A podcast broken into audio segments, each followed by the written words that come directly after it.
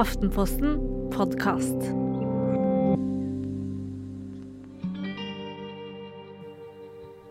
En familie. Fire barn. På tolv, fire og to, og en på åtte måneder. En fin gjeng. Ja. Men så er det én ting Jeg kjenner jo en følelse av at jeg ikke strekker til, da. som gjør hverdagen vond, sår og vanskelig. Vi drar til barnehagen, da begynner han å hylskrike, klamrer seg til oss. Hva prøver han å fortelle meg? Barnehagen råder oss jo til brå avskjed. De sier jo det at ja, han slutter å skrike med en gang du har foren etterpå.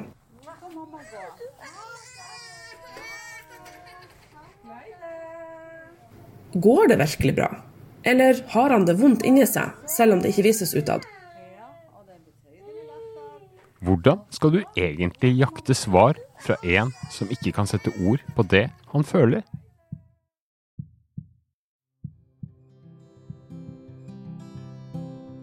Så jeg blir jo veldig usikker på om hans eh, gråting er fordi at han bare protesterer at 'jeg syns det er veldig kjipt at du går, mamma', eller, eller oppriktig syns at det her er skikkelig trist.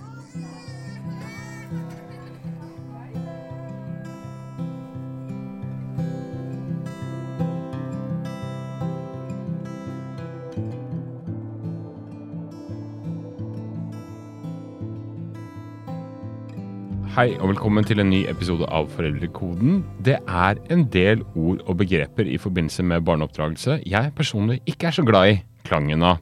Og et av dem, Hedvig Montgomery, er separasjonsangst. Og det er litt fordi det er noe litt sånn kaldt og hardt over det. Og så oppleves det jo veldig hardt og sårt også da, for de som uh, rammes av det. Og hva er det egentlig det handler om, uh, Hedvig? Jeg skjønner jo så godt din doble følelse når du hører ordet. Fordi det å ville være sammen med dem man er mest glad i, er egentlig ytterst, ytterst menneskelig. Ikke bare menneskelig, det er normalt. Eh, og når vi da gjør det til et angstfenomen, når barn protesterer på å bevege seg noe annet sted enn å være inntil dem de er mest glad i, så blir man jo litt sånn Driver vi nå og sykeliggjør og øh, problematiserer noen ting som egentlig skal håndteres?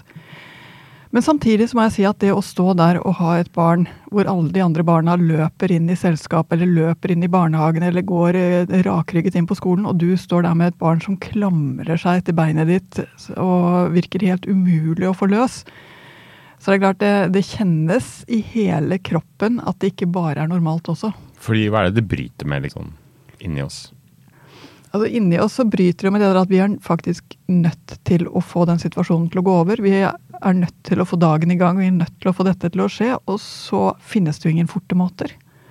Så det får oss jo til å føle oss sjeldent små, i hvert fall meg. Sjeldent liten og useless. Ja. Og mange forbinder jo dette med barnehagebarna, og et klassisk eksempel, kanskje, hørte du i introen her. Men lignende mekanismer, så vidt jeg har skjønt, mener du, er å spore til langt oppover i skolealder, og det skal vi snakke mer om. Men først, Hedvig, vi hørte fra en mor her altså, i starten, som har mye gående. Fire barn, de to minste er under to år, én er bare en baby. Mannen er ofte bortreist, og toåringen eksploderer i tårer og skrik ved levering. Og moren vet ikke helt hva hun skal gjøre. Hva slags råd vil du gi i en sånn situasjon? Det første jeg ville si, det er at denne mammaen står med mye i begge hendene, bokstavelig talt. Uh, og kanskje så mye at man må regne med at noen ting blir vanskelig. Fordi det er helt sikkert at med så mye i hendene, så vil den uh, toåringen kjenne at det blir for lite mamma. Og prøve å ta til seg den uh, tiden han eller hun kan få når det skjer. Og det er kanskje ved levering. Kanskje er det da det er full oppmerksomhet. Så dessverre så ligger jo mye av løsningene her i det å tenke ok, det er uttrykk for noe, nemlig at nå er det travelt. Det kommer til å bli bedre. Hva kan vi gjøre i mellomtiden? Men det at det er også en liten baby involvert, gjør det at denne toåringen får et sånn ekstra sug etter å være med, med moren og eh, har ekstra antilyst til å gå i barnehagen? Det tror jeg helt sikkert. Eh, For det første må jeg si at en baby til i familien er jo illojal konkurranse eh, mot den som var yngst fra før. For plutselig kommer det noen som er enda søtere og, og trenger mamma enda mer. Og det andre det er at toåringer er ganske smarte. Gjett om toåringen vet at mamma og baby går hjem og koser seg hjemme. Så alternativet finnes jo i toåringens hode. Mm. Eh, og det er ikke sikkert at det er et så veldig godt alternativ, for jeg tipper at mamma har nok med en baby hjemme og alt annet som skal gjøres hjemme i løpet av den dagen. Men det er ikke så lett å vurdere de tingene der for en toåring. En toåring ber om mer enn de kan få. Mm. Så egentlig må man bare vente på at det går over, er det det du mener, eller? Jeg mener at her Ja, for det første så kommer det til å gå over. altså ja, Det er den gode nyheten.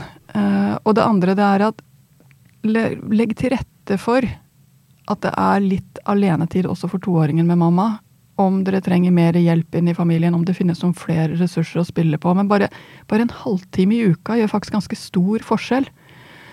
Og så er det det å finne en voksen i barnehagen som liker barnet, kan være nær barnet, som er trygg for barnet. Altså andre voksne å spille på, også i barnehagen. Og jeg tror jo at i en familie som dette, så er barnehagen enda viktigere at de skjønner hva som skjer, at de putter på litt ekstra hjerte og hender på det barnet som virkelig trenger det nå, fordi nå er det travelt. Og at det da er noe som barnet kjenner er trygt og godt også i barnehagen. Barna knytter seg først til én av de voksne, og etter hvert så utvides det litt skritt for skritt.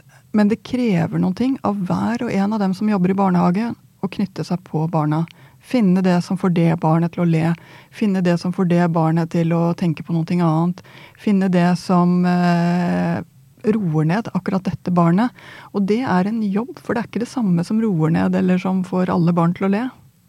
Ja, altså Apropos det du sa om at det går over, for alle gjør det tydeligvis ikke det. For vi har fått inn et spørsmål til fra en lytter fra en mor som har en sønn på fire år som gråter hver dag ved levering. Det går ganske fort over, men han har altså holdt på i i to og et halvt år, da, for han begynte i barnehagen som halvannetåring. Tar sønnen min skade av dette, lurer hun på.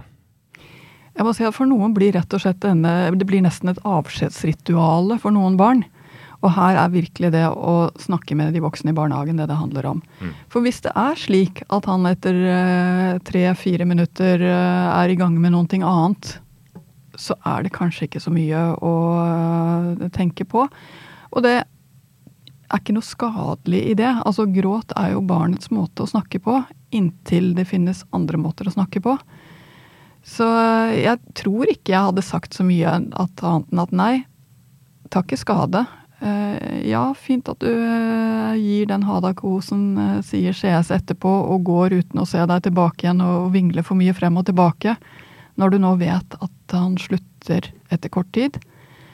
Og så kommer det en tid hvor han finner et nytt overgangsritual, en ny måte å si ha det på. Mm.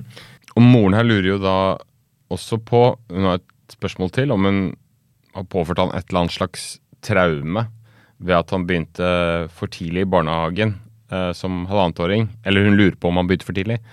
Eh, hva sier du til det? Ett og et halvt-åringer er helt klart små mennesker. Ja. Eh, det vi vet, er at de klarer seg fint i en god barnehage. Og at det på ingen måte fører til traumer eller eh, noen skader senere i livet. Heller ikke her og nå.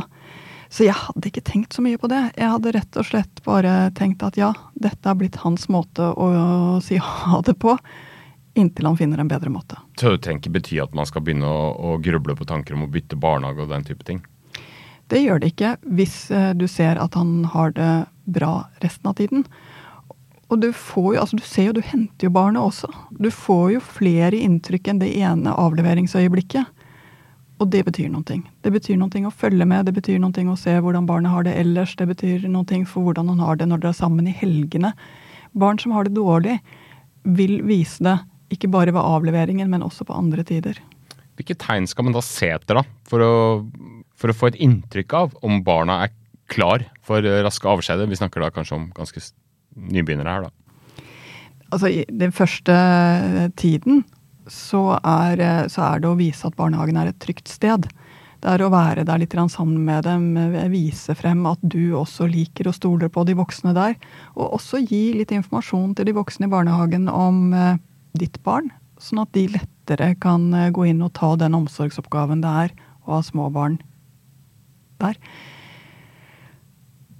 Når er barna klare for at du leverer på tre minutter? Det er så individuelt. Mm. Altså Det er så forskjellig, og det går også litt grann i bølger. Eh, I noen perioder så går det kjempefint, og du tenker nå, nå får vi til denne leveringen. Mm. Og så går det kanskje tre måneder, og så er vi tilbake igjen til gråting, og at det tar tid, og at det eh, må stå og vinke i, i porten og i vinduet. Litt avhengig av rett og slett deres utvikling og, og hva de ser for seg for dagen. Og ganske mange små barn, altså de Det er ofte forventningskrasj for dem. De hadde sett for seg noe annet, en rolig dag hjemme. Og så er det dette. Og dette kan bli bra, det også. Men fortsatt så var det ikke det de hadde sett for seg. Så så de små tingene med å De minste barna forbereder dem litt. Si i dag det, skal vi først kle på så er det frokost, og så er det tur til barnehagen. Altså at at du har det klart hva som skal skje for noen ting. Sånn at du slipper de store forventningskrasjene. Når noen plager små barn, og det gjelder ikke bare ved sånn type barnehagehenting og sånn, men, men når de blir oppløst i tårer og skriker og vræler og får et slags anfall, hvordan skal man egentlig komme til bunns i hva som plager dem? For de kan jo sjelden redegjøre spesielt dypt eh, eller eh, grundig for følelseslivet sitt. Altså, barn bruker jo protest og gråt som sin måte å uttrykke seg på når noen ting i deres hode er galt. Det betyr jo ikke at noen ting er galt, men det betyr at de opplever det som galt. Og det, det er en vesensforskjell der, fordi det er, sånn, det er så vanskelig å skille dette. For vi tenker jo ja, vi skal ta barns følelser på alvor, og det skal vi. For det er sant for dem at når de står der og alt er vondt, så er allting vondt. Mm. Inni dem og for dem der og da. Men det betyr ikke at det har skjedd en kjempekatastrofe ute i den virkelige verden. Det betyr kanskje at det er noe de ikke forstår, det betyr kanskje at det er noe som er annerledes enn de hadde forventet. Det betyr kanskje at de trenger litt hjelp til å komme tilbake igjen i en god eh, rett og slett rytme. Så som forelder står man der igjen og igjen og må hjelpe fortvila barn med overgangene tilbake igjen til noen ting som er bra. Mm. Og den overgangen krever at du både har roen på deg til å si ok, nå ble allting helt galt. Du trenger faktisk ikke å vite hva som ble helt galt, men du trenger å hjelpe dem videre. Så hender det selvfølgelig at noen ting er helt galt, og det er jo dette som er så rart, selv om det er uhyggelig sjelden. For alle ganger et barn har en skikkelig meltdown, så er det veldig få ganger det virkelig har skjedd noe forferdelig på ekte. Men vi vil jo vite de gangene også om det er noen ting som er vedvarende galt. Og det må jeg bare si at når barn trekker seg inn i seg selv, trekker seg unna, blir mer og mer stille, eller blir mer og mer aggressive, endrer måten de reagerer på, ikke bare i den hente- og leveringssituasjonen, men også utenom, så må vi begynne å tenke ok, hva er det for noe som skjer nå? Hva er det som er på gang? Eh, og separasjonsangst, da vil de ofte bli mer klengete, bli redde for nye ting. Ikke bare i forhold til alderen sin, for veldig ofte så kommer de inn i perioder hvor de blir redde for nye ting. Men det tar seg enda mer dramatiske uttrykk. Så følg med på barnet ditt. Er det noe som bekymrer deg, snakk med de andre rundt. er veldig ofte løsningen. Det er sjelden at vi klarer å se hele bildet selv. Så snakk med de voksne i barnehagen, snakk med andre i familien, snakk med andre som kjenner barnet, rett og slett.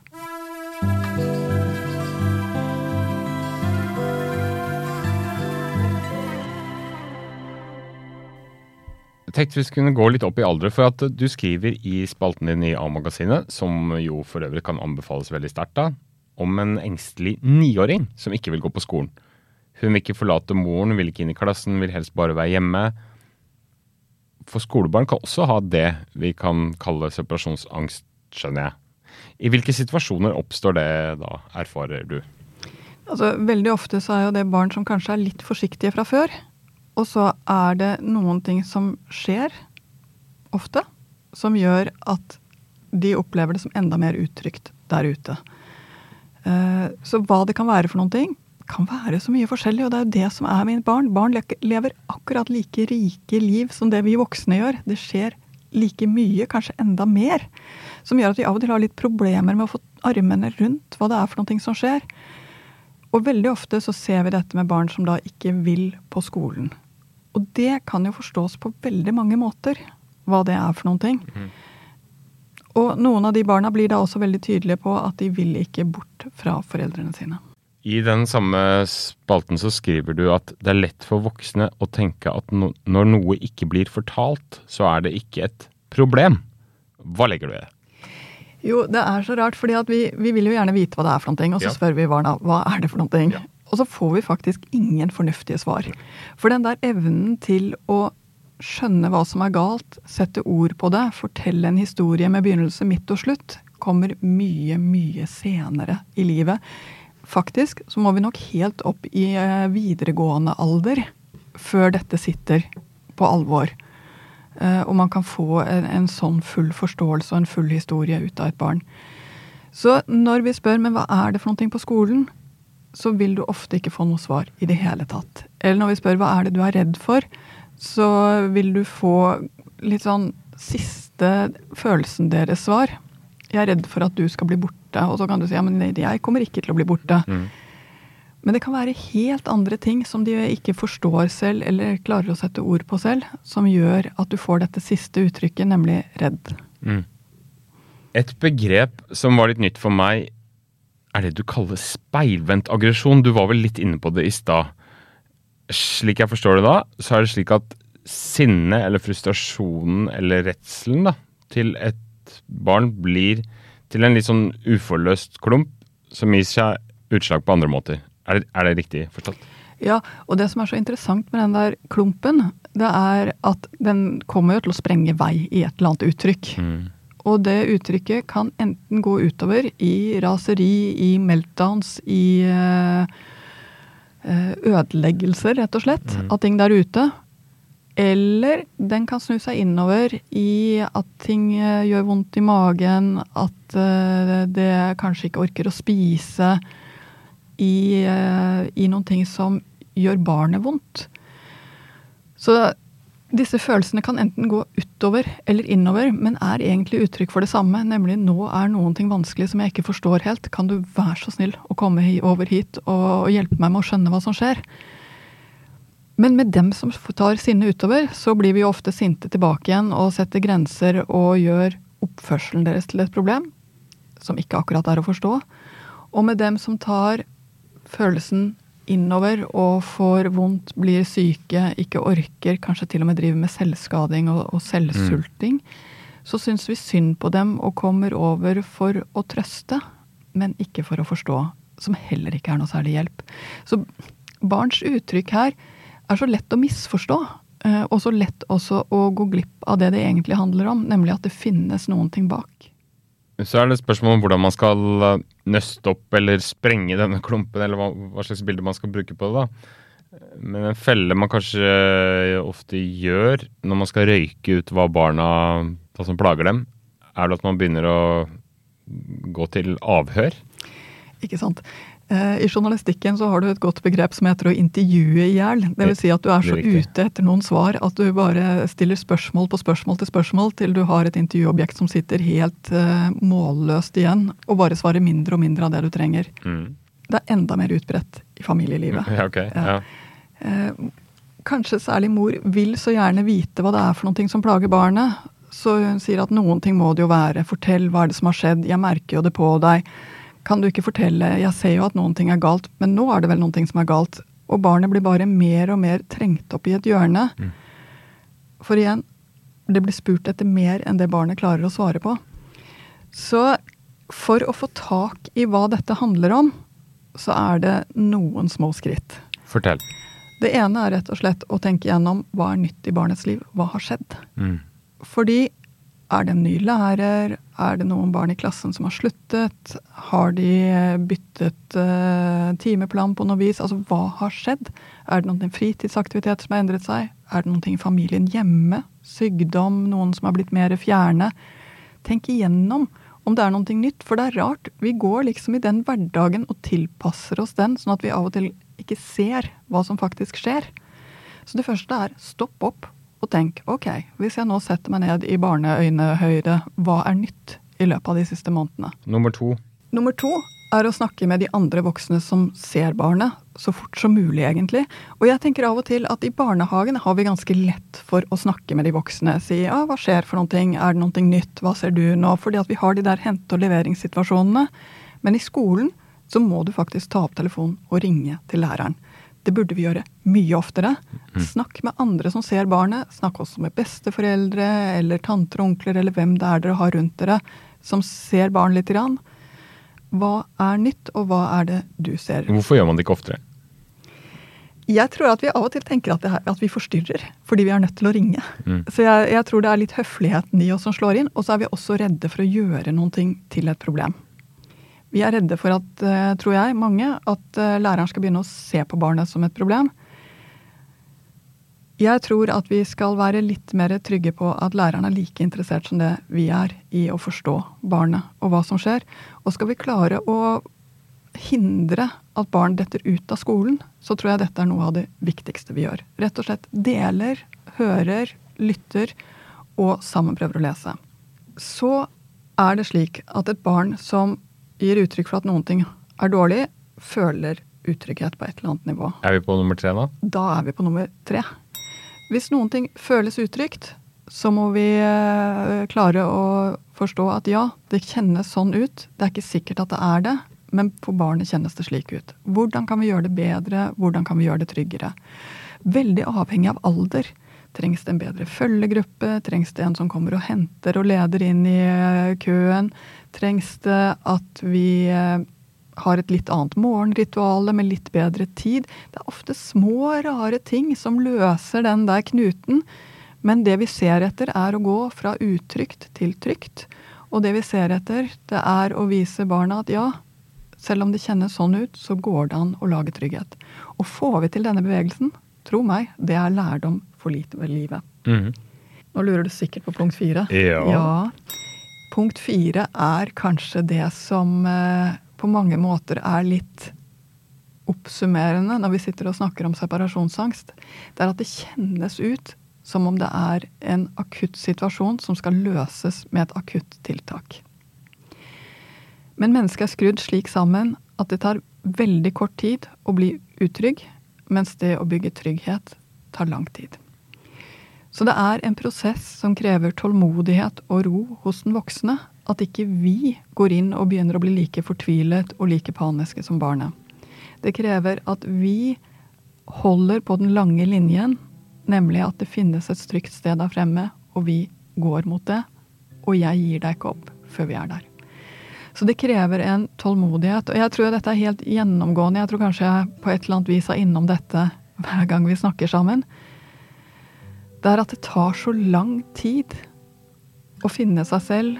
Hvem er jeg? Hvor skal jeg være hen i denne verden? Hvordan skal jeg håndtere følelsene mine? Hvert av disse små punktene som er vanskelig, er et stoppunkt underveis. Men de er faktisk nødvendige også, fordi dette er så Dette er det som gjør at barn på et eller annet tidspunkt kjenner at de kan håndtere seg selv, fordi de har fått hjelp til den håndteringen når de har trengt det. Det er riktig det at du ofte kommer inn på at tålmodighet er clouet her. Og det, for sånne som undertegnede, så er sånt veldig vanskelig. Når man er utålmodig og brenner etter å få ting gjort. Altså, hva Fins det noe sånn universelt knep for å bli mer tålmodig? Jeg tror det som gjør oss utålmodige, er at vi legger linjalen for kort mellom tidspunktene. Altså vi ser på dagen i går istedenfor å se hvordan var det for tre måneder siden, eller for tre år siden etter hvert. Altså vi må rett og slett se på den langsiktige utviklingen, ikke på fra dag til dag-endringene. Og vi, vi blir jo litt sånn når barna sover dårlig én natt, så tenker vi at de aldri kommer til å sove igjen. Og når de sover godt én natt, så tror vi at nå er vi over den kneika, nå kommer de alltid til å sove. Altså vi, vi lager oss litt skuffelser av å være for kortsiktige i det vi ser på. Mens det det handler om, er jo å lage et godt familieliv. Det er å lage en god hverdag. Takk. Jeg tenkte på en ting du sa i en tidligere episode om tenåringer. At de kanskje mer enn noe annet, i motsetning til hva man kanskje skal tro, trenger hjemmet. Og da lurte jeg litt på Dette er temaet som vi snakker om her, separasjonsangst. Er det også en et gyldig term, eller er det aktuelt også for uh, ungdommer? Absolutt. Og det tar seg bare helt andre uttrykk igjen. Mm. Men at ungdom kan oppleve det som utrolig vanskelig å være borte fra hjemmet eller fra foreldrene sine. At de kan være redde for ting som skjer i ukjente miljøer. At de kan protestere ved å bli klengete, Mm. faktisk. De kan det. Eh, Men det tar seg uttrykk i enda mer pigger på mange måter. Og også kanskje vanskeligere å helt forstå hva som skjer for noen ting. Fordi nå burde de jo, syns man, kunne snakke om det. Men 13-14-15-åringer er heller ikke noen kløppere på å få armene rundt seg selv og forstå hva som skjer i livet. De trenger fortsatt det stedet hvor det går an å gråte litt og få litt trøst, eller rase litt og bli likt allikevel. Mm. Og kanskje trenger de det mer enn noen gang. Mm. Hva er liksom clouet når barna ikke vil skilles fra deg? Altså Det første å huske på, det er at vi foreldre gjør det av og til litt verre, fordi det er jo en bittersøt situasjon. Det er på en måte så utrolig deilig at noen virkelig vil ha deg og virkelig trenger deg. Og på den annen side så er det så smertefullt å ikke ha et barn som løper lykkelig inn sammen med de andre. Så det er, det er, en, sånn- det er faktisk en eh, sammensatt situasjon. Som voksen så tror jeg du skal eh, både splitte dette opp og tenke ja, det er faktisk fint at hun føler seg trygg sammen med meg. Og nå trenger vi å finne det som gjør at hun føler seg trygg der ute sammen med andre. Det kan jeg hjelpe henne med, siden hun føler seg trygg. For trygghet bygges nemlig innenfra og ut.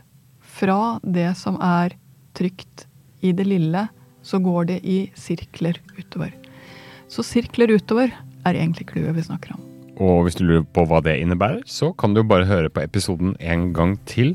Vi sier tusen takk for at du hørte på. Har du et innspill, en tips, eh, ta kontakt på foreldrekoden at aftenposten.no.